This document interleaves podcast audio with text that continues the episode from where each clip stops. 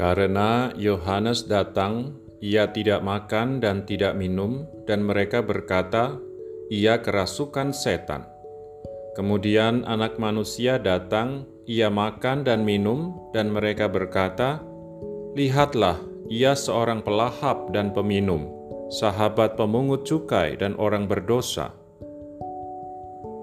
Sahabat si ember yang dikasihi Tuhan, itu tadi Yesus lagi ngomongin orang Israel. Ya, begitu itu sikap mereka.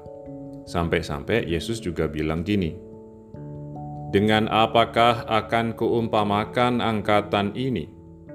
Mereka itu seumpama anak-anak yang duduk di pasar dan berseru kepada teman-temannya, 'Kami meniup seruling bagimu, tetapi kamu tidak menari.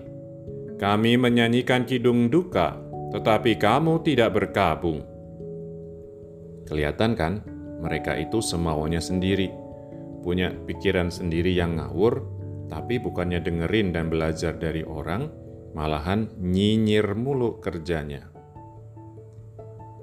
Teman sahabat Yesus yang terberkati. Kemarin kita udah diingetin supaya belajar dengerin alias mendengarkan. Hari ini saya mau ngajak kalian ngerenungin sisi lainnya, Pasti pernah juga lah kita ada di posisinya Yohanes Pembaptis atau malah Yesus. Ya gak? Bukan congkak, bukan sombong, tapi kita tahu nih kita benar dan mau ngasih tahu, mau ngajakin biar semuanya juga benar dan baik. Ternyata nggak segampang itu ya kan, Fernando? Nggak semua orang mikir kayak kita. Nggak semua orang juga cukup terbuka dan mau menghargai Malahan kayaknya lebih banyak orang yang mikirin dirinya sendiri dan akhirnya juga nyerang kita atau minimal nyinyir lah sama kita.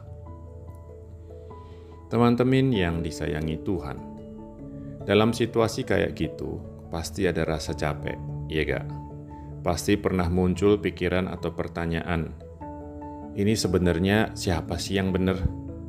Kalau kayak gini caranya, terus gimana dong? Udahlah santai aja kali ya. Daripada rempong ribet nyusahin diri sendiri mending juga lo profile aja santai aja.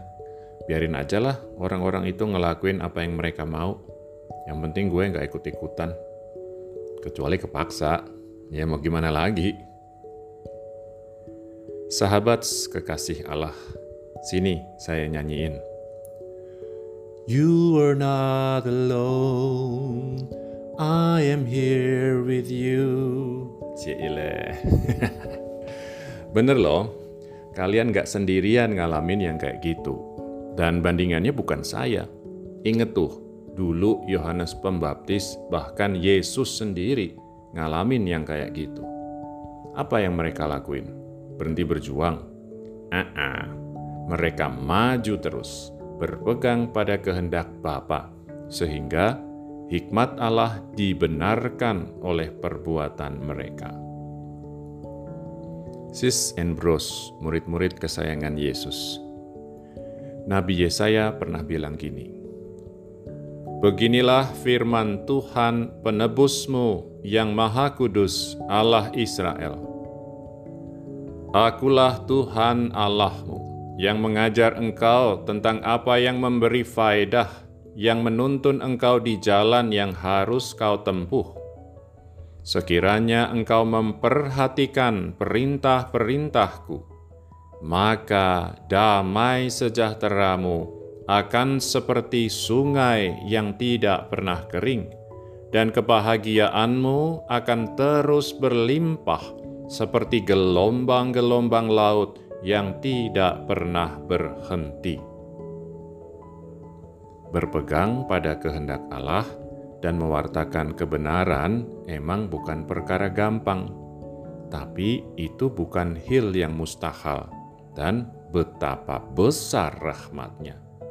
Kita bisa bermegah karena boleh menunjukkan hikmat Tuhan dan boleh mengalami damai sejahtera dan kebahagiaan yang tiada akhir.